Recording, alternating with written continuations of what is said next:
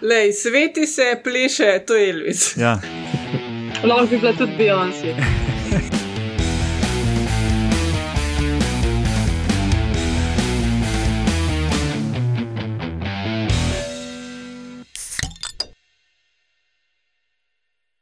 Lepo zdrav, poslušate 145. oddajo Metamorfoza, podcast o biologiji organizmov, ki vam jo kot vedno predstavimo skozi lahkoten pogovor o pivu.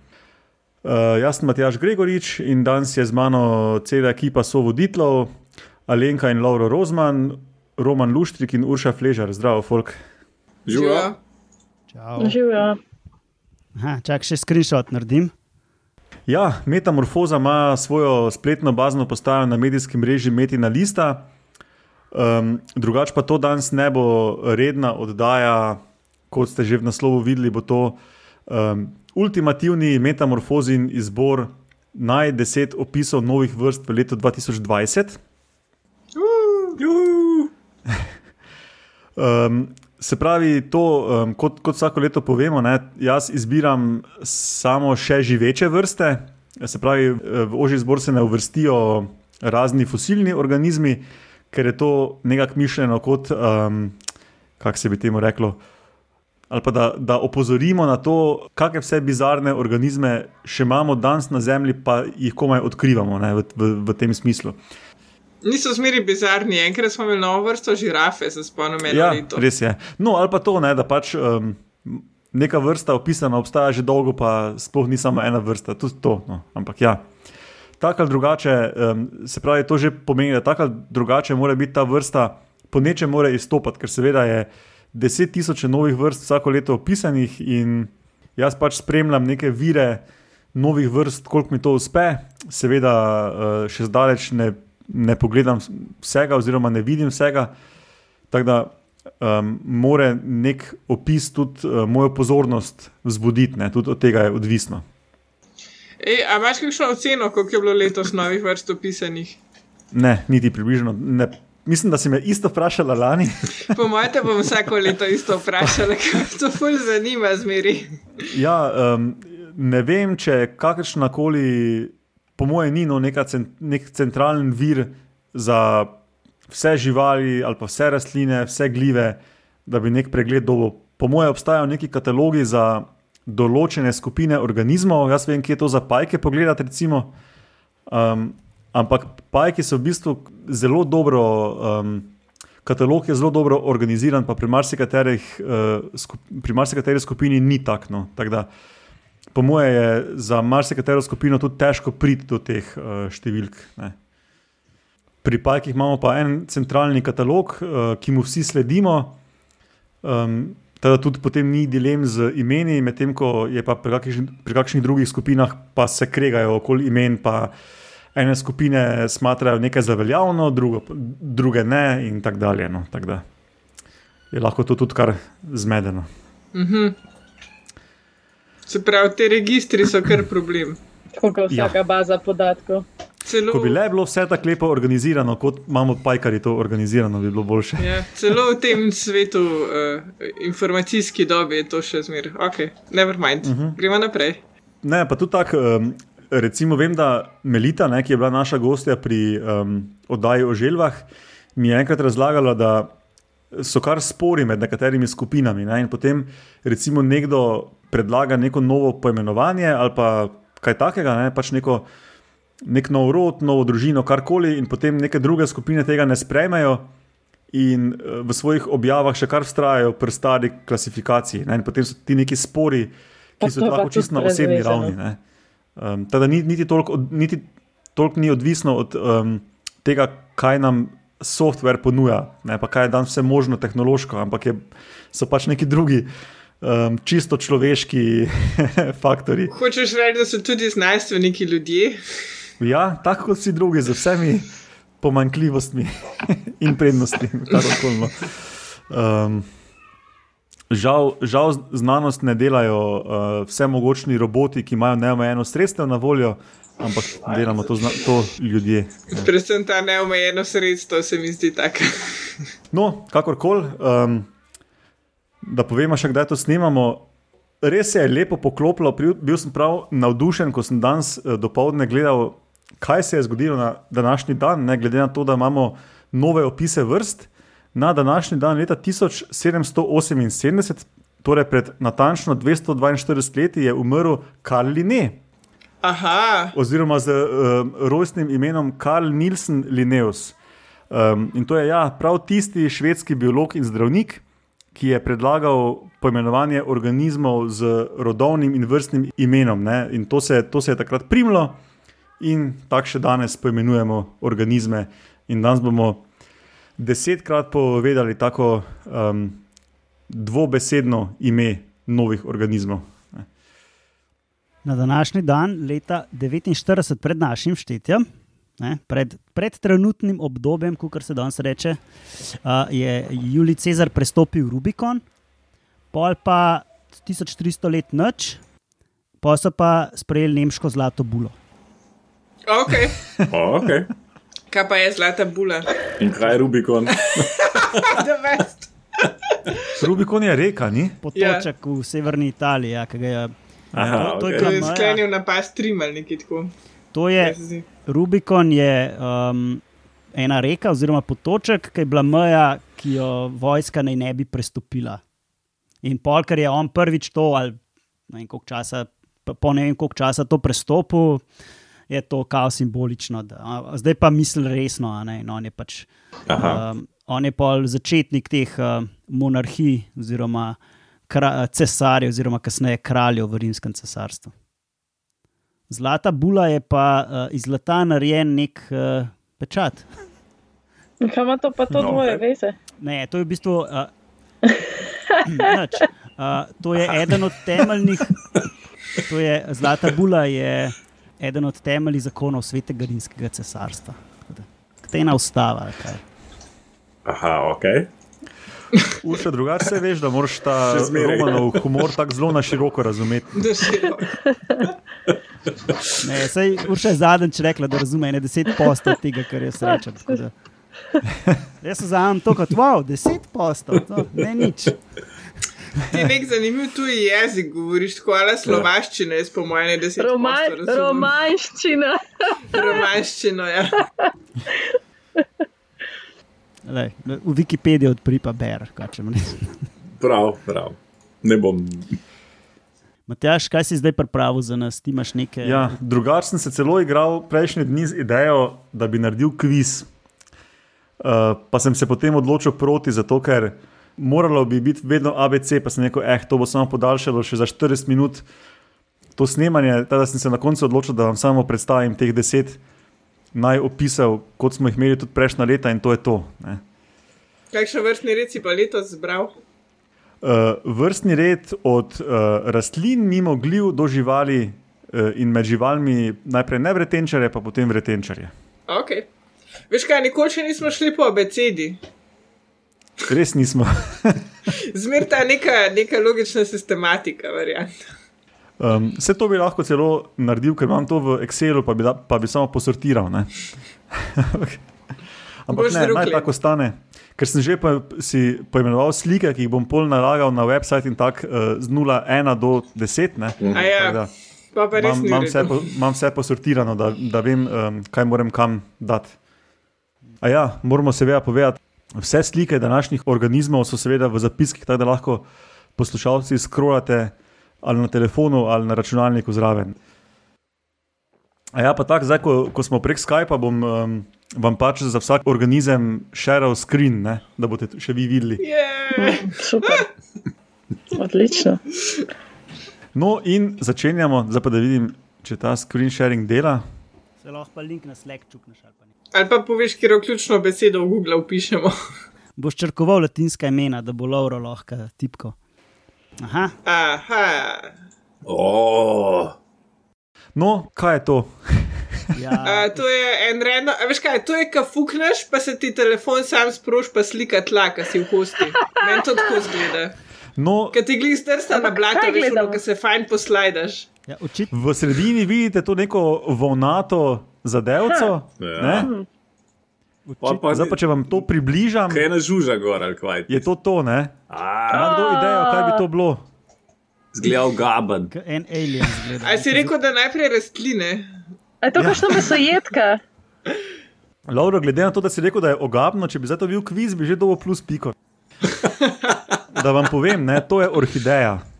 Oh. Ja, se izgleda čist, čist Zgleda tako, ja. Ja. Nekam, kamor človek ne bi smel prsta vtikati. Ja. No, jaz sem jo poimenoval volnata krompirjeva orhideja, latinsko ime je Gastrodia agnicelus. In uh, izbral sem jo zato, ker so jo proglasili botaniki za najgršo orhidejo na svetu. Ja, Kjer je carje? mislim, ja. ja. Lepa res ni. Ja. Glede na to, da um, Alenka je.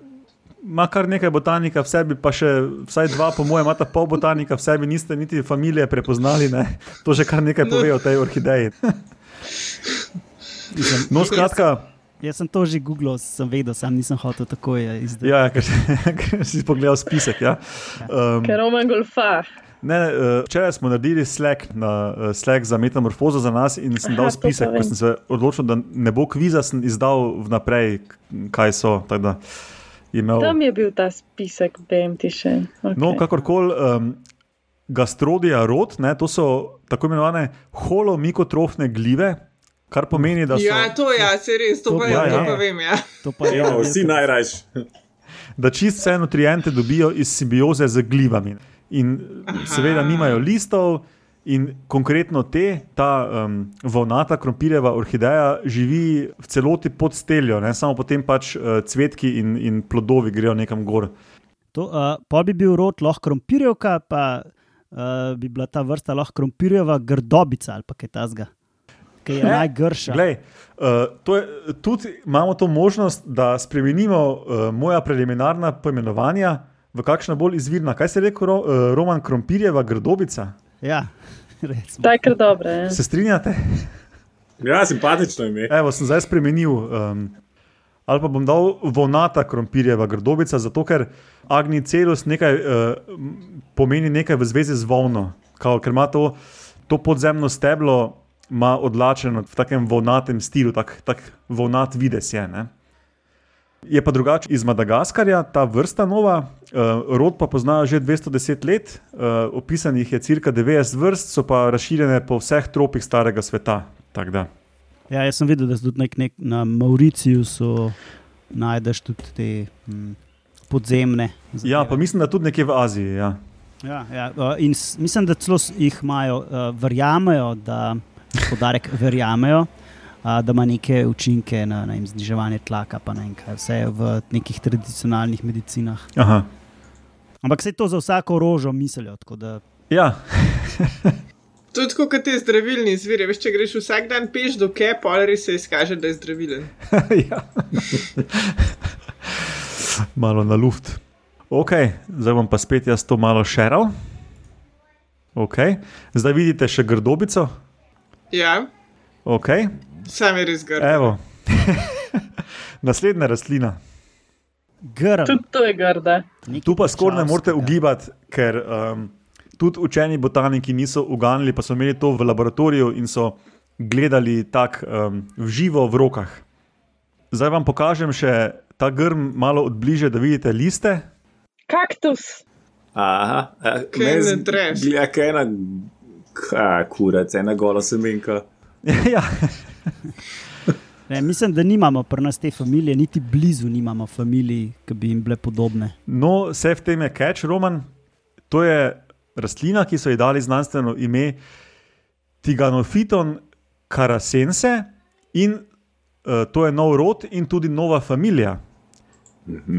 Ker namreč um, ta pritlikav grm, ki so ga srečali um, leta 2010 v regiji Karas v južni Namibiji in so se potem še isto leto vrnili, da so um, nabrali rastli, eh, tudi cvetove in plodove te iste rastline, uh, so potem prinesli uh, domov, mislim, da so to eni Angleži bili.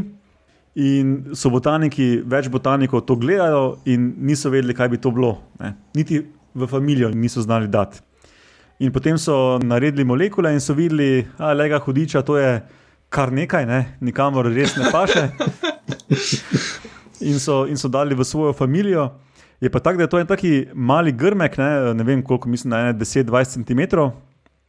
Um, v full sušnem območju um, te južne Namibije, ta regija Karas je neko full sušno območje in ima tako čudno morfologijo. Ne, um, ima dva tipa listov, ki so na ločenih, kratkih in dolgih pogankih.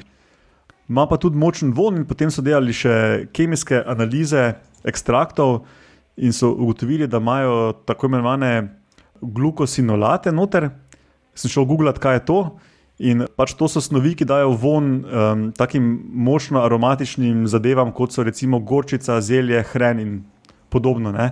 Ampak potem um, so pa z, s kemijsko analizo ugotovili, da pa prav te molekule, iz, mislim, te, te molekule iz prav te rastline, pa niso enake kot uh, pri kjerkoli znani, no, tako da to še morajo malo raziskovati. Um, rodovno ime so pa skovali, in, in hkrati tudi ime familije so pa skovali Tiganofiton. Ta Tigano predpona je menda iz, iz lokalne besede za, za ponev, za cvrtje.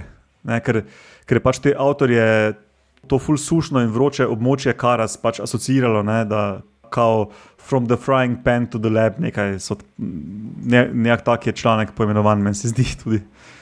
Ne zgleda neki, kar bi hotel takem tu ponovno zacvrti. Ne, to pa res ne. Ja. Čeprav mogoče po vodnju spominja, spominja na zelje, hren in gorčico. Ampak tega ne vemo. Ne. Ja. Odskaj, gremo dalje na tretjo, zdaj pa že ne rastlino. In evo, zdaj imate sliko. Mhm. Ja, to zgleda kot To je nek tartuf. To je tartuf, res je. A ja, uh, se še vrnemo. Um, prej sem poimenoval oni grmiček kot karasna punvica. Če ima kdo kakšno Aha. boljšo idejo, mi lahko povete. Ta tartuf sem pa poimenoval tartuf simbokilo, pa bom razložil zakaj. Znanstveno ime je pa Hysterangium bonobo. Tartuf sem bolj kilov. Bonobo, to, ima, uh, to je nekaj z, s temi bonobi, kot šimpanzoliki. Mi, Ja, mislim, da tudi, tudi bonobi so šimpanzi, saj mi jim rečemo pritlikavi šimpanzi v, našem, v slovenščini. Ne. A, na Štajerskem, ker pri nas je bonobo. Pač. No, in da razložimo zgodbo na začetku, ne, um, kot se včasih spodobi, včasih pa tudi ne. Poznamo kar nekaj vretenčarjev, ki jedo glive. In to so lahko ptiči, želve, sesalci in tudi primati med sesalci. In to pa sploh velja za tartufe, ki so pač glive zakopane nekje v zemlji, ne, eh, ki, ki s tem nekim močnim vonjem doskrat privabljajo sesalce, da jih ti ven skopljajo in potem se lahko z sporami razširjajo. Ja, od ponve do ponve. ja, ali pa od želodca do želodca, ali od dlake do dlake, ne vem točno. Je pa to področje menda slabo poznano, um, koliko sesalcev ali pa koliko vretenčarjev je res vpletenih v neko rutinsko um, jedenje tartufov in kakšno vlogo imajo tartufi v njihovi dieti. In to novo vrsto, Hysterangium bonobo, so odkrili pri eni študiji prehranjevanja bonobov. Ne, niso pač tarčno iskali tartufov, so pa videli, da so ti bonobi dostkrat grebli po tleh in nekaj jedli. Ne. In Potem, so, so, ko je ta skupina bonobov šla stran, so ti raziskovalci šli gledati, kaj so jedli, in so našli tartufe tam v tistih, v tistih izkopaninah. Um, no, in potem so pač odkrili, da je to nova vrsta za znanost, in so jo poimenovali. So pa hkrati še ovrednotili, koliko pomembne bi lahko bile te glive, ti tartufi za bonobe. In tako časovno se ukvarjajo samo približno 3% časa prehranevanja z izkopavanjem in jedenjem teh tartufov. Tako da je to verjetno bolj tak za tu in tam, če komu zadiši. Ne.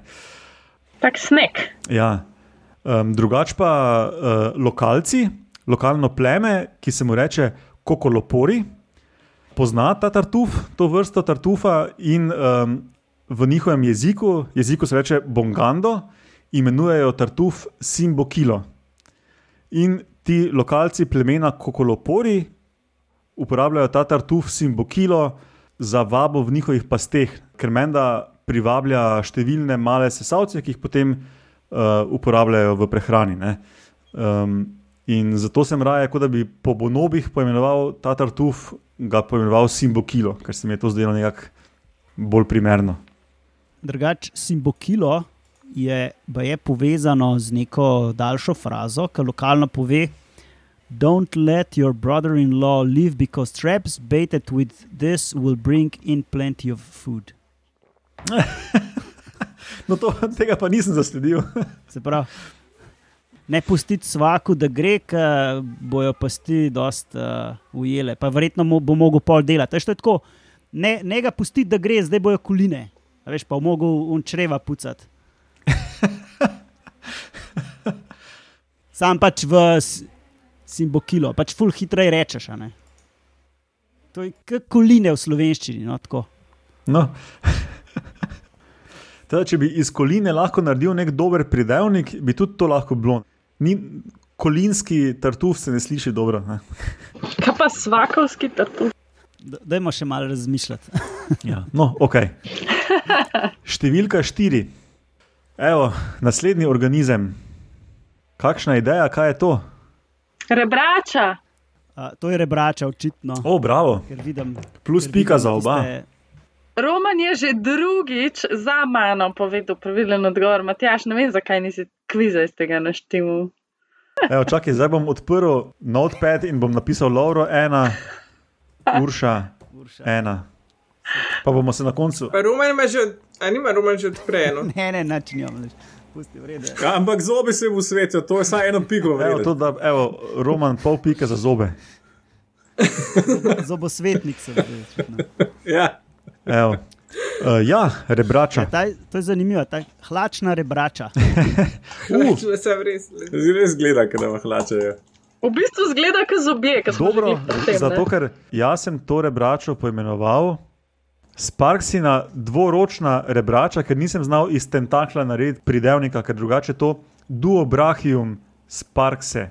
Kaj pa s- svetleča, mogoče, Matjaš? Vse so vse svetli. Ampak sparks kot uh, um, priimek ene ženske. No. Tako da je tudi uh, v angleščini je Sparksis, ne vem kaj, ne vem kaj. Sparksis, um, double tentacled, ne vem kaj. No. Ja, jaz, ko sem to ime prebral, sem prebral Duobrahium šparkase. Jaz tudi. Tam, tam male zamenjaš črke, pa je šparkase. No, ampak lahko dam dvohlačna na mesto dvoročna, recimo. Ne? No, ali pa boš ja. Zdaj pa kaj pa je posebno na tej rebrači, um, da sem jo uvrstil na ta seznam. uh, da se ful globok nahaja. Ja, res je roman. Ampak uh, mogoče za poslušalce, ker pač, ok, mi biologi vemo, kaj so rebrače, ampak to so res tako obskurne živali, da moramo povedati, kaj je to. Pa to je uno, ki je full tega v Piranskem zalivu, pa ne vem kdaj. Cel poletje v bistvu, ja, tako v takih valovih pridejo, pa noč ne pečejo, pač kot je ena kipca želatine, ki se lahko s tem obmetavaš. Ja, v bistvu so kaj ene meduzice, ampak so, pač niso surove. Na pogled spominjajo malo na ene meduze, tako malo prozorno izgledajo, ne, so te, ma, imajo to radialno simetrijo, kot meduze, niso dvobočno somerne kot večina živali. Ne. Plavajo kot eni vodni baloni, nosijo pa svoje deblo, živali z znanstvenim, z znanstvenim imenom Ktenofora. Se pravi, so tako ena zelo ekskluzivna skupina uh, živali in so po morjih celega sveta in so v glavnem plenilci. So pa od, v velikosti od milimetra in v ekstremih do 1,5 metra. In kljub temu, da so pogoste, 1,5 metra. ja, menda. Wow, to menda, moram ja. prav pogooglati. In kljub temu, da so pogoste in po vseh morjih, je pa opisanih samo nekih 150 vrst ali nekaj. In so sistematsko zelo problematične. Ta duobrahium šparkase je pa um, se mi zdela zanimiva iz dveh razlogov. Prvič zato, ker so jo opisali na en način, ki je precej redek, in to je, da je virtualno opisana vrsta. Tisti, eh, tisti oceanografski inštitut, ameriški, ko ima kratico NOAA, če poznate, ima um, dost videov, imajo takih kul, cool, uh, globokomorskih na YouTubu. Oni so jo zaznali 3900 metrov globoko v enem jarku ob Portoriku in so iz uh, high definition videov v bistvu opisali novo vrsto. Kar je. Ej, to je pa prav v stilu letos, ne letošnjega leta. No, vse nadaljavo, da še V bistvu, nove ja. vrste se opisujem po kameri. Je pa to sicer dopustno po kodeksu um, nomenklature uh, za izjemne primere, ko je, ko je tudi iz foto-video materiala res jasno, da, da je to nova vrsta. In to pa tukaj je jasno, zato ker ta rebrača ima eno čudno kombinacijo telesnih znakov. In kljub temu, da so jo uvrstili v, v nek rod, ne, Duo Brachium, v bistvu ne vejo, kam točno pade ta vrsta znotraj rebrač. In, in ima kombinacije večjih skupin rebrač, tudi nekatere primitivne, oziroma izvorne skupine, in sklepajo, da če bodo uh, mogoče kdaj to zadevo ujeli, bo lahko. Bo to mogoče pomembna vrsta ali pa pomembna skupina za poznavanje evolucije celega debla, rebrač. Ne.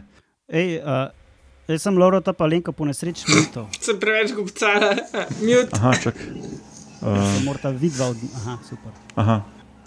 Dobro. Naslednji, Uh, to mora pa Laura prebrati. to boš pa ti prebral, Lauro. Ja. Je pa lep. Evo, to je organizem. Aha, to pa ve, kaj je. To ne dvomim, da ti ne veš, uh, Roman. Roman, ti si samo hotel ali si dejansko delal diplomsko na mnogo ščetincih? Pač diploma je bila v bistvu Je bila, ne? na mnogo. Ja, Ja. ja. Sicer teh uh, je bilo bolj malo, ampak uh, sem pa kaj, kakšen se pa najde. No? Evo, Lauro, zdaj pa preberi to tukaj, vidiš? Vidim. Pejnaleopolinoe. Bravo, dobro ti je šlo, boljše kot meni prvič. Kar v redu za prvič. Ja. Ja, to je en rod, Pejnaleopolinoe. Uf. Eh, In opisali so štiri nove vrste, ki sem jih jaz poimenoval lačni luskari. Ja, in zakaj sem jih uvrstil eh, na naš spisek desetih? Zato, ker to je en rod globokomorskih mnogoščetincev. Um, zdaj za poslušalce, kaj so mnogoščetinci? To so tisti kolobarniki, ki živijo v morju, ki jih včasih ribiči nata, natikajo na trnek, da z njimi ribe lovijo. In tudi tisti stvori, ki živijo v tulcih, v tleh in ta, take pahljače ven um, izpostavijo. Ne? Deževnikova žlahta. Torej. Ja, ja. Eh, No, in rod pomeni lačni luskar. No. Um, In do zdaj sta bili iz tega rodu znani samo dve vrsti, in v tem članku so opisali štiri nove vrste, in se mi je to zdelo tako um, simpatično, že samo po sebi. Um, hkrati izgledajo simpatično, kot da bi bili posipani z bleščicami. Ja, no, in te štiri nove vrste so našli med 800 in 3700 metrov globine, uh, tri od teh štirih ob Kaliforniji in eno ob Kostariki. Poimenovali so tri od štirih po raziskovalcih morja, eno vrsto pa so poimenovali po Elvisu, kralju rock'n'rolla.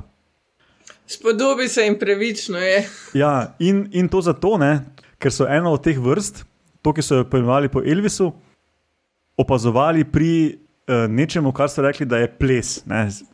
Seveda ni ples v človeškem smislu. Lej, sveti se, pleše, to je Elvis. Ja, Lahko bi bila tudi Beyoncé. lahko bi bila tudi Beyoncé. Ja. Se pravi, tisti poliheti, tisti mnogoščetinci, ki jih um, ribiči na Hrvaškem natikajo, razkosajo in natikajo na trnke, so tako zelo dolgi, ti so pa razmeroma kratki in imajo tako debele, svetleče plošče po hrbtu. Um, in pri eni vrsti so opazovali agresivnost med dvema samcema, ki sta bila ena, en ob drugem in sta tako uh, poplesavala naprej in nazaj, potem sta pa vsake toliko uh, izvihala svoje, svoje žrelo in um, probala oščipniti del luske en drugemu. in seveda to je tako kar redko, da opazujejo v naravi neko obnašanje med osebki globokomorskih vrst. Ne, za- zato so to kar z navdušenjem sprejeli ti raziskovalci. Um, in obstaja tudi YouTube video, ki ga bom dal v zapiske.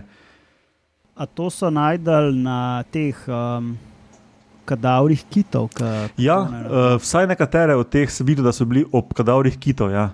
Ne vem pa, če čist vse vrste, ampak uh, si z lahkoto predstavljam, da vs- vse štiri, ali pa da cel rod um, izrablja ta vir nutrientov. Ne, sej, to smo že imeli na metamorfozi, kadavri kitov so um, pravi otoki nutrientov na dnu globokega morja. Ne.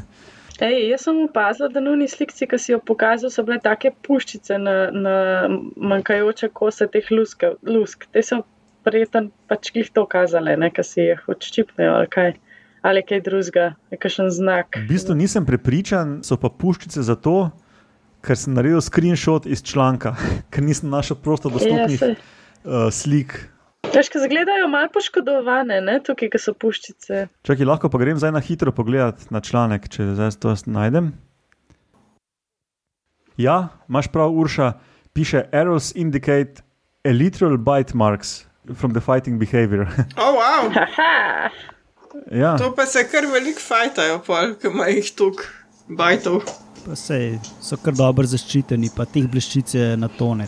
ja so, so pa kar debele luske, no, tako da s- je ta njihov probost, to njihovo izvihljivo žrelo očitno kar sposobno. Ne? Verjetno more trgati uh, tam tiste kosti in meso kitov.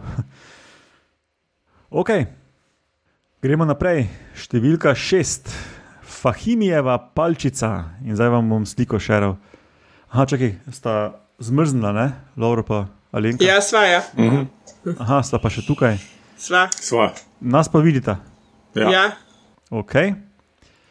Fahimijeva palčica, evo, Oj, Benji, No. to je ziher en rak. Spet je bravo, grdo. Alenka, to je. Seveda je Rak? rak. Če ne veš, kva je, pol je rak. Zgleda, zgleda kot ena artemija. zgleda kaj zarodek. Ja, ja, ja. Ampak rači. No, mislim, da je to mogoče letos moja najljubša novo opisana vrsta. Fahimijeva palčica z znanstvenim imenom Phalocriptus fahimi. Falokriptus. Ja, Skri, skrič, skriti tič, fahimi. no, drugače uh, po angliško rodu Phalocriptus rečejo fairy shrimps. Aha, vilinski. Ja, zato sem to premenoval palčica. Lahko bi dal tudi vilinka, ker nisem. Ja, vilinka bi bilo boljše. Ja. Ok, Fahimijeva vilinka. Evo, sem že napisal na novo. To je peta znana vrsta tega rodu, in preostale štiri so znane iz takih iz puščavskih in polpuščavskih predelov. Zato ste rekli, kak, če je ta beštja na vides zgledala kot nekaj, kar plava. Vsaj na vides. Ja, ne kot nekaj, kar hodi po puščavi. Ja, res plavajo, ampak tu se zgodba komaj začne. Ne? Kišne te, une, v neki Intersticije. interstici, ne, ali kaj ta zgrajene jajce. Ne, so paraziti. V bistvu je še bolj interesantno. Ne? Ta nova vrsta, uh, to novo vrsto so nabrali ne samo v puščavi, ampak celo v puščavi Lud v Iranu. In puščava Lud v Iranu je znana kot tako imenovani termalni pol Zemlje. Aha. uh, kjer se poprečne dnevne temperature gibajo od minus 2,6 po zimi do 50,4 poleti, z izmerjenimi ekstremi do 78 stopinj Celzija. To je una, una frying pan. Luda kuča. Ja, to je prava frying pan. Ja. No, in na leto v tej puščavi pade 30 mm padavin Oh, Le, nekaj je. spomladi. Ne? In to, kar eh, te prvo pada- sredo. mislim. te padavine, ki padajo, formirajo neke začasne luže. In v eni od takih začasnih luž so našli tega jebenega rakca, ne, ki je nova vrsta za znanost. No, okay. In ti, te, te beštje, ta rod je že znan, preživijo tudi več let brez vode. In baje špekulirajo, da tudi več desetletij lahko preživijo in čakajo na vodo, in potem se sparijo in razmnožijo. Ne. To je kot fotri na kavču. bi. Ne, A ni to, da se uh, jajca preživijo tok cajta? Možno. Jaz sem, Jaz sem- jaz sem, mislim, da sem bral, da so jajca. ker Zato me tudi spominja na artemije, na te solinske reakcije, ki tudi zelo v ekstremnih pogojih živijo in tudi jajca so odporna za popizditi. To bi bilo malo bolj smiselno. Ja. Ti se po mojem čisti suši, no, in ne vem, če rak lahko preživi takam. Čak bom, bom, bom uh, po, pogooglal. Pa to je tako kot une kili ribice, ki smo že imeli, ki so res hude, ki se isto v blatu posušijo, pa pol kar naratajo, kaj enkrat z vodo zaliješ. Ja. Ja, um, Podobno. Melita, ki smo jo prej omenili, mi je tudi pravila, da je prijavila en projekt uh, za sekvenirati genom enih želv vijevratk, ki pa prav želve prezimijo tudi več let v, v izsušenem blatu noter. Skratka, vile obstajajo, Hudo. Uh -huh. ampak živijo v puščavi, pa, sam, pa v bistvu vsaj deset let hibernirajo. ja. Redek pojav. Na Wikipediji piše, da, je, uh, da izležejo jajca v puščavi, ki lahko desetletja čakajo na podvig. Aha, aha. No, no, prosim vas to informacijo zgrešil. Hvala, Roman, da si me popravil. Zdaj ne vem, koliko je to. to je... No, ja. No, to je, vem, to je verjetno je znano za ampak- tiste ostale, ki so, mislim, da nekje po Aziji, uh, po, po bolj po, po jugovzhodni Aziji znane, zato pa valjda še ne vejo ne, um, iz, iz puščave Lut. Ampak ja, Tako, tudi če več let, ne desetletij, že več let je zelo Ja, ja. impresivno. No? no, ampak skratka, kaj živi v najbolj uh, vroči puščavi? Rak. ne. To, to pa je noro. No? ja, Ta, vidim, zakaj ti je najljubši. ja. Uh, Loro pa Lenga sta še tukaj? Ja, Ja, sva, sva. Aha. Kaj pa Urša? Ja, tudi, Aha. sam sem izklopila kamero, A, ker se mi zdi, da mi šteka zaradi te Aha, kamere, pa vas okej, malo na okej. vsake toliko zgubim. Ja, ja. Dobro. Fahimijeva vilinka. Um, seveda, Fahimi po, po enem tipu, ki, ki je nek raziskovalec iranski, ne vem točno česa. Mislim, da je strmoglavo z letalom, pa zato. Aha. Um, dobro, gremo naprej. Številka sedem je. On je bil okoljevarstvenik, Aha, aha. ki je umrl leta 2018. No, bravo, Roman, hvala, da še nekdo je bral o tem. uh, to je pa organizem številka sedem. Pajk! Aha, ro, uh. Lauro je ugotovil organizem. Ta pajek je zelo majhen, ja una črta je verjeten kaj, milimeter. po Ne, moje, manj, če je zelo majhen. maksimalno milimeter. Ja. Nekako ne piše. Aranojitsko zgleda. Ne, ne, Ne. to je Ne, kar svoja familija. Oh, Gleda grdo v pizdu mater, da če to dobiš v vzorcu, rečeš, ma, da grem in straš še na eno pivo. Ja. Uh, no, to, so, uh, to sploh nima imena, ne znanstvenega, zato ga tudi jaz nisem iskal, lahko ga pa zdaj skupaj poiščemo. Um, rod je Mismenopsis, Mismenopide, Lauro. ja, ja, definitivno, to se vse spomnim. Pa se tega ni pri nas. A to je pri nas. Ne, Tega tega ni nas. pri nas, in, in do zdaj je bilo opisanih 31 vrst iz te družine. In uh, ta članek, ki je izšel letos, oziroma lani, 2020, je dodal novih 21 vrst. To pa je neki. Tada, z- zdelo se mi je že zaradi tega, ne, da so uh, raznovrstnost iz 31 dvignili na 51. Zakaj so pa ti pajki zanimivi? Čakaj, iz kje pa so oni? Ti pajki so iz tropov in subtropov Amerike. Okay. Ampak vseh teh 21 novih vrst je pa samo iz Ekvadorja. Aha. Kar Okay, se pomeni, da pravi, je- pasti so nastavljali. Pa... Ja, da je ta familija ful podcenjena v številu vrst, verjetno. Zakaj pa je tudi logično, ker to so prvič zelo majhni pajci in imajo eno čudno življenje. So namreč kleptoparaziti na mrežah večjih pajkov. Okay. Mm. Pa, In, ja. um, imamo v Evropi sicer je še ena druga skupina pajkov, ki, so, ki ima ta življenjski stil. In ta je tudi v Evropi, in že tako od Dalmacije in potem južno jih uh, lahko srečamo. Um, no, ampak ti so malo manj znani in uh, živijo na mrežah večjih pajkov. Kak mreža zgleda, ni tako pomembno, lahko je ta lepa kolesasta mreža, križavca, recimo, ali pa tudi neka taka plahtasta, bolj ali pa nekaj. To, to nima veze, sa- samo da je. In um, zelo pogosto je, da ko um, ta gostiteljski pajek nekaj ujame, se ti majhni pajci, kleptoparazitski, počasi pristopicljajo in se zraven hranijo. Ne? Se pravi, kot da bi Roman recimo jedel zrezek in mu mačke pridejo in na drugi strani zrezka malo grickajo dol. Ne? To ni izključeno, da se dogaja. Saj, ker če vape prinesem, to kar talar noter pridejo. Pa jih moram nositi v drugo sobo, da dajo mir. Ja. Uh, drugače pa tudi lahko lovijo kakšne uh, full majhne insekte, ki se vlovijo na mrežo, pa so premajhni, da bi jih um, gostitelj požrl. ne. Um, teda ja, zraven tega pa ni nič tako zelo posebnega. Um, sem pa hotel pač počastiti to, da so kar 21 novih vrst dodali k celi družini, ki jih, ima, ki jih je imela samo 31. Um, je pa drugač prva avtorica tega članka Nadine Dupri, ki jo tudi osebno poznam in med pajkarji um, globalno slovi kot najboljša ilustratorka. Tako da Ful dobr. Um, ima članek lepe ilustracije, taksonomske. Ok, gremo naprej. Še, še tri imamo, 8, 9 in 10. Ok, številka 8. Baškarjeva podrevnica bo to. To je spet nekaj orientalskega. Čaki. Baškarjeva podrevnica je to. Okay. To je pa kobilica. Sabara ga vama. Lepa pa ni, ne. Ja, pa, uh, kobilica, ki oponaša ljubje in nekaj. Ne? Ta pajk je bil še najlepši od vseh organizmov do zdaj. Ne, rebrača, ej. Rebrača je kar lepa, ja, se strinjam.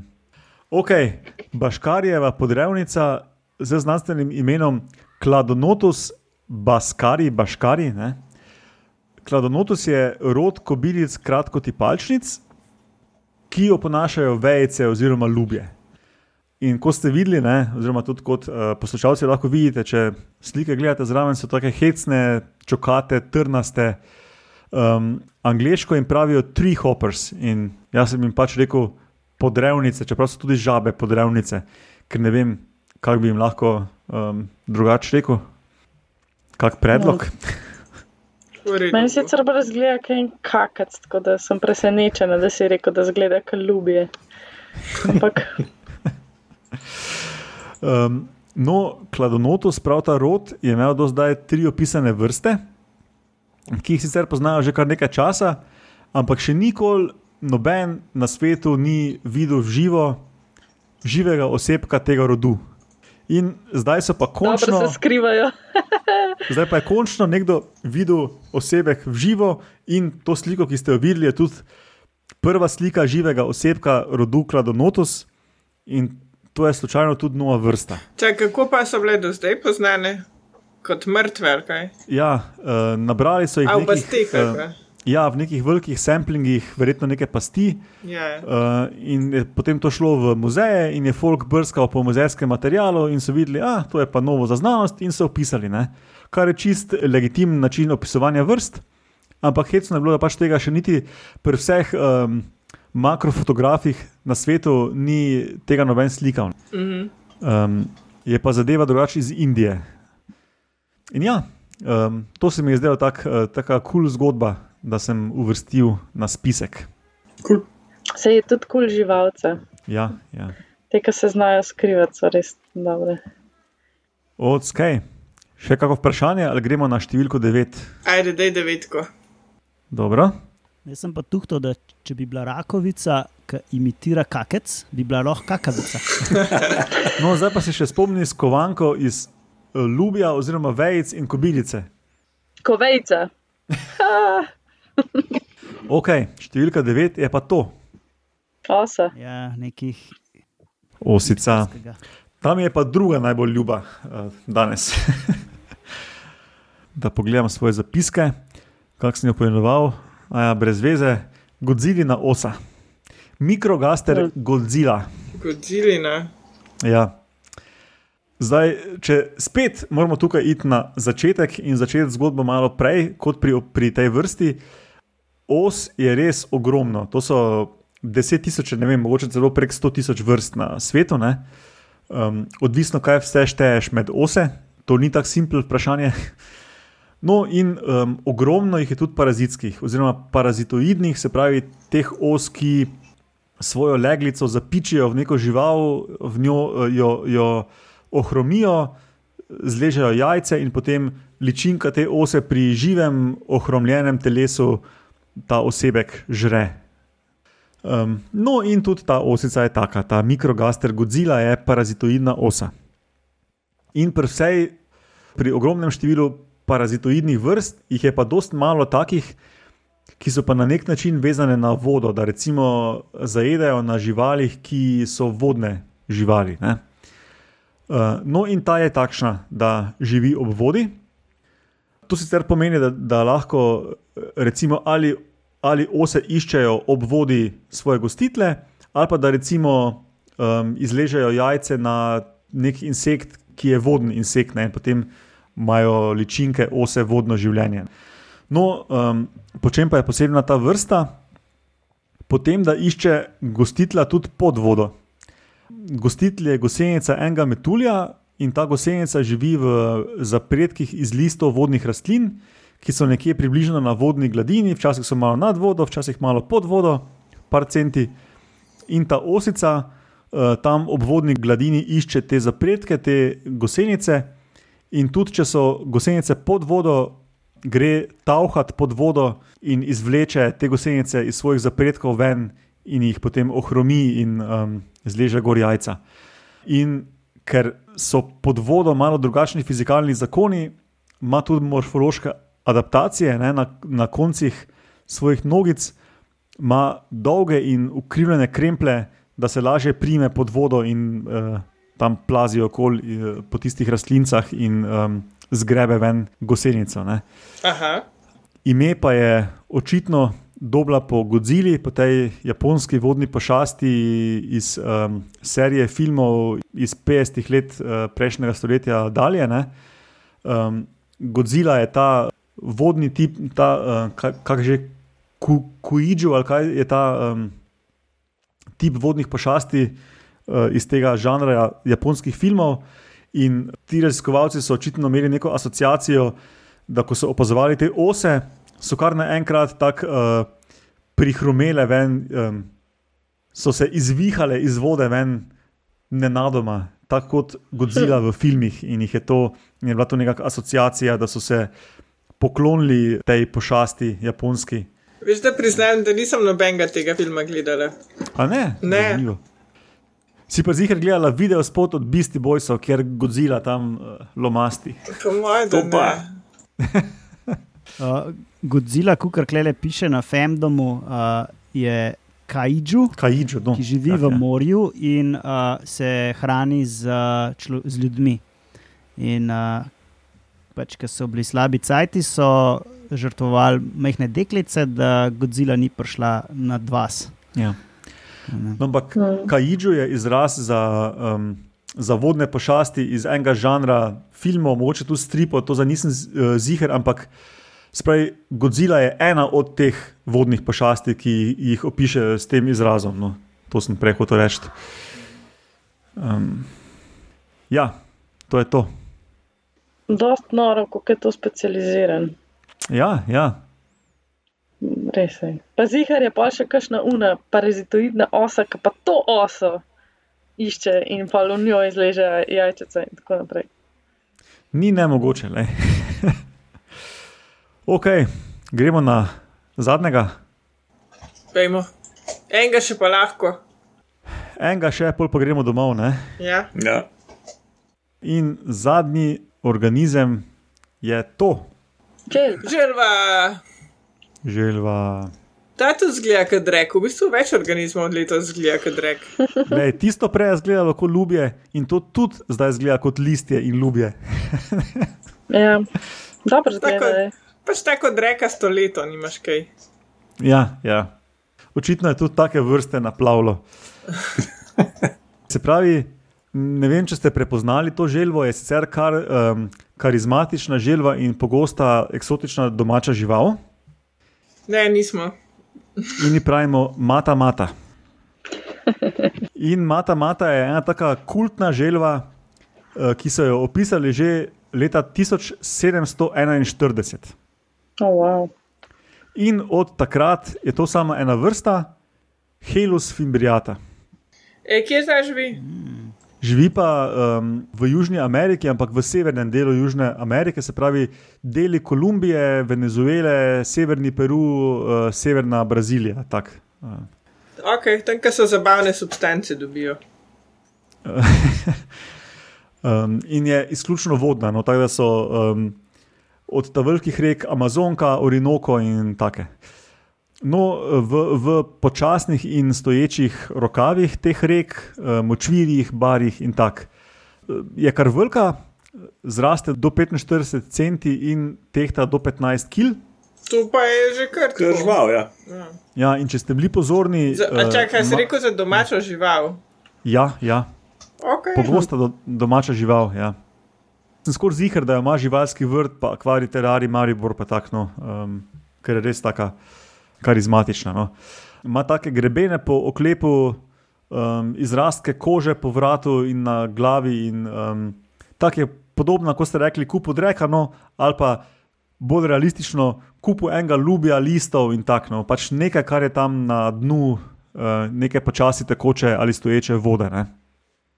Um, in če bi mogli ugibati, kaj ta želva je, Mulj. Mislim, nek meso, verjeten, če je vodna. Kar loh. Nevretenčarje, pa mulj. Ja. No, tam, tam če pi, zakamuflirana na dnu reke, in ko priplava mimo ena ribica, uh, sunkovito odpre usta, uh, kar ribo posesa v usta. Ne, uh, ta, uh, z angliškim izrazom rečemo temu suction feeding, to ima dosti rib, in potem celo ribo pogoltne.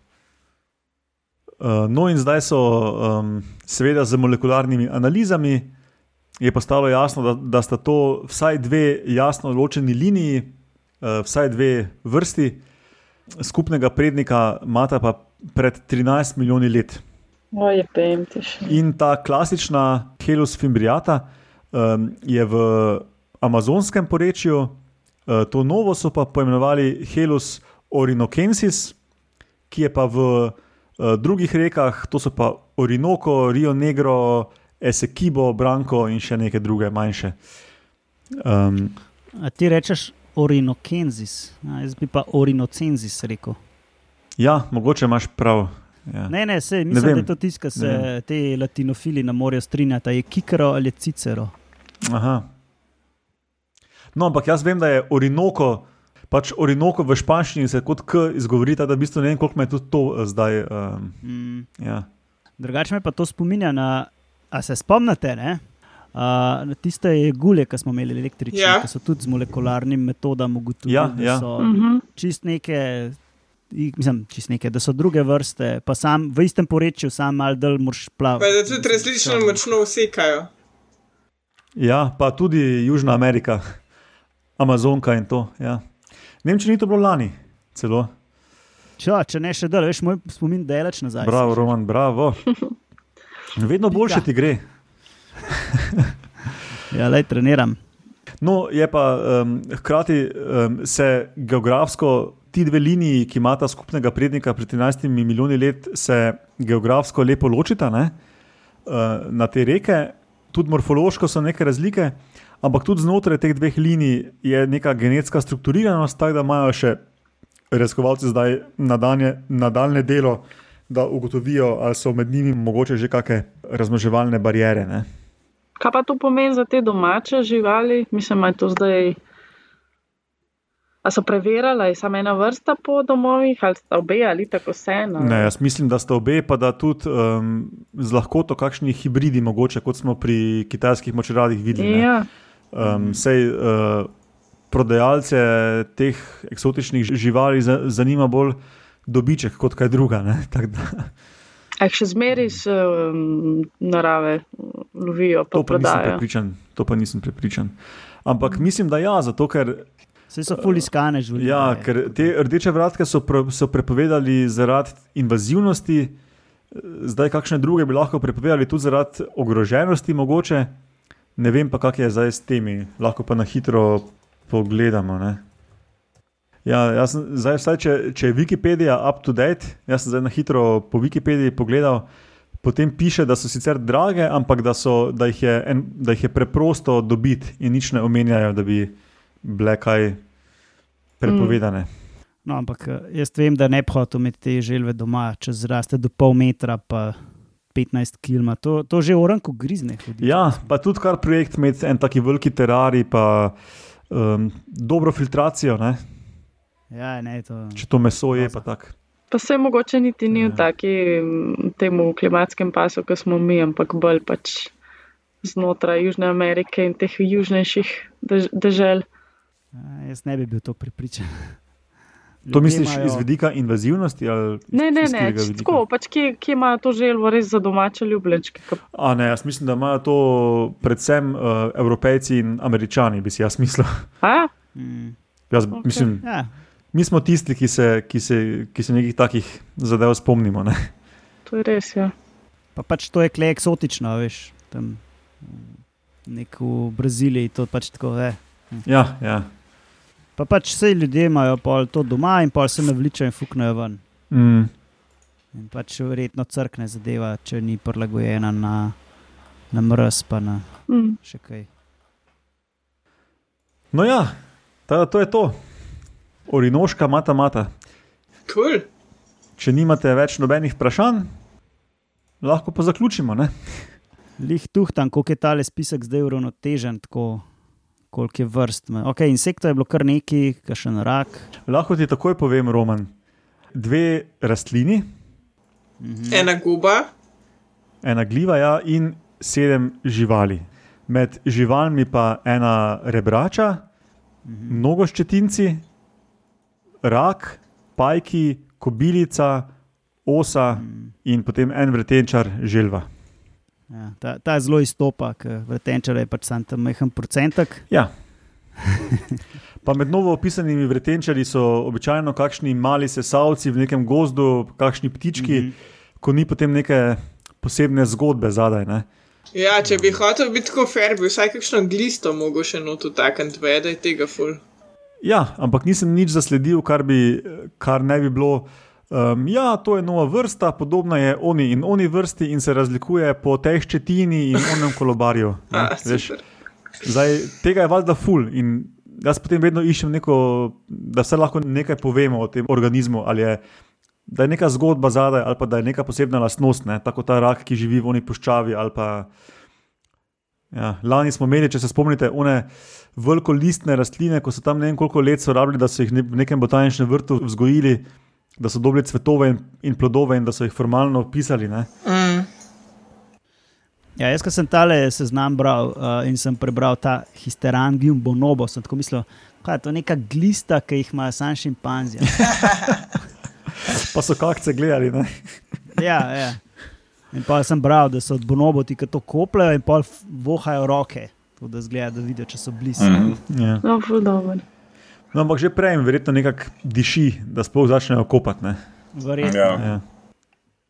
Ja, razen če so v simbiozo s kakšno rastlino, ki jo prepoznajo, ne pa vejo, da morajo tam začeti ja, kopati. pa glede na to, da to delajo 3% svojega časa, Mm. um, je verjetno to tako zelo fakultativno. Ne? Ali pa, Tu. ali pa sem taki primorski bonobi, a veš, kaj. Ne celinski. Hedonisti, ko radi uživajo življenje in si še kaj drugega privoščajo kot neko vsakodnevno hrano. Ne? Listje. Mhm. Njega čezele pa jabolka. Ne, pa je tudi uh, tako vohajo po zraku, da zavohajo, zgleda uh, to makrolokacijo, pol pa kako plejo, pa tudi roke vohajo. Pa. Uh -huh, uh -huh. Tako, Očitno imajo pač pogruntano. Ja, ja. Ok, pol pa zaključimo to 145. epizodo Metamorfoza. Kot rečeno na začetku, eh, Metamorfoza ima svojo spletno bazno postajo na medijski mreži Metamorfoza, tam je arhiv, imamo tudi Facebook. Smeti na lista. Kaj sem rekel? Me, na, metamorf, na spletni mreži met, Metamorfoza. Ja, ja spletni, spletni medijski mreži Metina lista, seveda. Ja. Tam je arhiv, imamo tudi um, stran Metamorfoza na Facebooku, tam najdete še zanimivosti, ki se ne uvrstijo v podcast. Eh, Na Twitterju nas lahko dobite na hashtag Metamorfoza, tam je Roman osebno dosegljiv na Ed Romuno in jaz na Ed Matjaš Gregorič. In moja mnenja ne nujno odražajo mnenja Metamorfoze. ja. In ja, hvala vsem poslušalcem za poslušanje, komentiranje, uh, kakršno koli podporo, vprašanja, deljenje, vse to ful cenimo, ful prav prije. Hvala vam štirim za sodelovanje in se slišimo prihodnič. Pa pa. Slišmo. Pa, pa.